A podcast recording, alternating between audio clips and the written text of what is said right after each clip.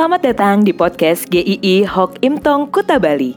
Penginjil Ray Reginaldi akan membagikan renungan harian singkat untuk membawa Anda mengenal dan menyembah Tuhan Yesus, bertumbuh dan menjadi murid Kristus, serta berdampak untuk banyak orang. Jika Anda merasa diberkati melalui renungan ini, silahkan bagikan podcast ini agar orang lain juga diberkati. Inilah renungan hari ini.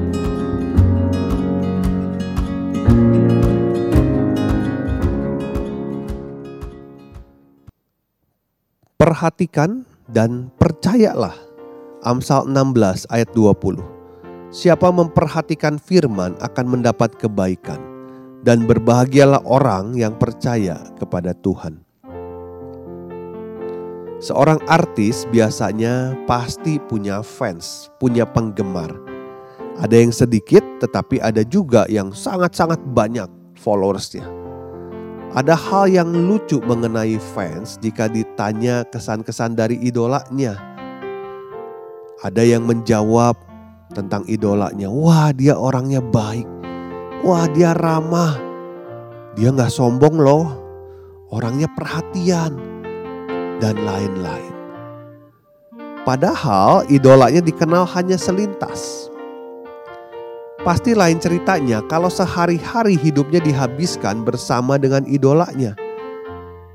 Kadang orang bisa salah menilai seseorang karena tidak begitu mengenal dia.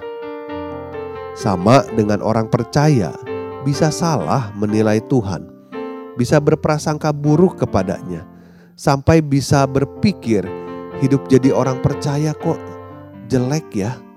Padahal semuanya bersumber karena pengenalan kita yang kurang kepada Tuhan. Jika sebagai orang percaya kita mengerti apa yang seharusnya kita lakukan, kita akan melihat indahnya hidup di dalam Tuhan. Ada dua hal yang perlu kita lakukan untuk mengenalnya. Pertama, perhatikan apa yang Tuhan ajarkan. Seberapa banyak Anda ingat khotbah-khotbah yang pernah Anda dengarkan. Kalau saya terka, mungkin hanya sedikit sekali yang bisa Anda ingat. Memang kita tidak bisa mengingat ratusan khotbah yang sudah kita dengar. Tetapi berapa banyak perhatian yang kita curahkan untuk memperhatikan firman Tuhan. Amsal mengatakan siapa memperhatikan firman akan mendapat kebaikan. Memperhatikan firman menuntut satu usaha yang lebih dari sekedar menyediakan telinga untuk mendengarkan. Kita memfokuskan apa yang Tuhan mau katakan melalui firman-Nya. Memperhatikan adanya kerinduan untuk bisa mengerti, mau diajar, rindu dibentuk, hati yang terbuka. Di dalam hidup ini banyak yang bisa menjadi pusat perhatian kita. Diri sendiri, orang lain, perkataan tokoh-tokoh orang yang terkenal, media sosial kita, pekerjaan, dan lain-lain. Perhatian kita kepada firman Tuhan kadang-kadang tidak fokus. Kita sering teralihkan oleh banyak hal yang lain. Kita merasa juga kadang merasa tidak perlu dengan firman Tuhan. Ada orang yang merasa sudah senior menjadi orang Kristen, tetapi mungkin statusnya masih junior dalam memperhatikan firman Tuhan. Ini bukan hanya soal pengetahuan kita atau seberapa banyak buku yang sudah kita baca, seberapa banyak pengetahuan teologi yang kita tahu, tetapi apakah kita punya kerinduan untuk bertumbuh dalam firman-Nya, memperhatikan apa yang Tuhan mau. 2 Timotius 3 ayat 16 mengatakan, Segala tulisan yang diilhamkan Allah memang bermanfaat untuk mengajar, untuk menyatakan kesalahan, untuk memperbaiki kelakuan, dan untuk mendidik orang dalam kebenaran. Jika kita tidak memperhatikan firman-Nya, sebenarnya kita sedang membuang kesempatan yang begitu berharga untuk memahami kehendaknya, mengenal dirinya. Mulailah perhatikan kembali firman-Nya melalui saat teduh. Bukalah kembali Alkitab Anda Perhatikan lagi apa yang Tuhan inginkan. Renungkan itu, kemudian lakukanlah. Yang kedua adalah percayalah kepada Tuhan. Di dalam bahasa Indonesia sehari-hari mengatakan begini. Percayalah kepada Tuhan, maka kau akan bahagia. Mengapa percaya kepada Tuhan disebut sebagai kebahagiaan?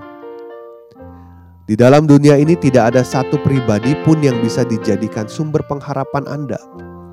Semuanya akan berakhir dengan kekecewaan ketika kita menaruh harapan pada sesuatu selain dari Tuhan. Tetapi hanya kepada Tuhan sajalah kita bisa merasa tenang, seperti yang dikatakan di bagian Amsal yang lain. Percayalah kepada Tuhan dengan segenap hatimu. Percaya adalah percaya, bukan setengah percaya dan setengah ragu-ragu. Hidup tanpa pegangan yang jelas adalah kehidupan yang menakutkan. Tetapi ketika kita percaya kepada Tuhan, itu satu kebahagiaan. Yang menarik adalah kita tidak akan bisa kenal Tuhan, bahkan percaya kepadanya, kalau Tuhan sendiri tidak memperkenalkan dirinya kepada kita. Dia menyatakan dirinya melalui firman-Nya dan Tuhan Yesus yang datang ke dalam dunia, sehingga kita bisa mengenal Dia. Malah, kita bisa mempercayai Tuhan itu pun bukan karena prestasi kita, tetapi karena kemurahan Tuhan. Filipi 1 ayat 29 mengatakan, Sebab kepada kamu dikaruniakan bukan saja untuk percaya kepada Kristus, melainkan juga untuk menderita untuk dia. Tanpa kasih karunia Tuhan, kita tidak mungkin mengenal Tuhan, apalagi percaya kepada Tuhan Yesus sebagai juru selamat. Kalau kita percaya kepada Tuhan Yesus sebagai satu-satunya juru selamat, sudah seharusnya lah kita juga percaya kepadanya dalam setiap situasi yang kita hadapi. Jangan kita cuma jadi fansnya Tuhan saja. Jadilah anak-anak Tuhan yang sungguh-sungguh mengenal dan mau mengenalnya setiap hari lebih dalam dan lebih dalam lagi. Dengan cara kita memperhatikan firman-Nya dan mempercayainya. Amin.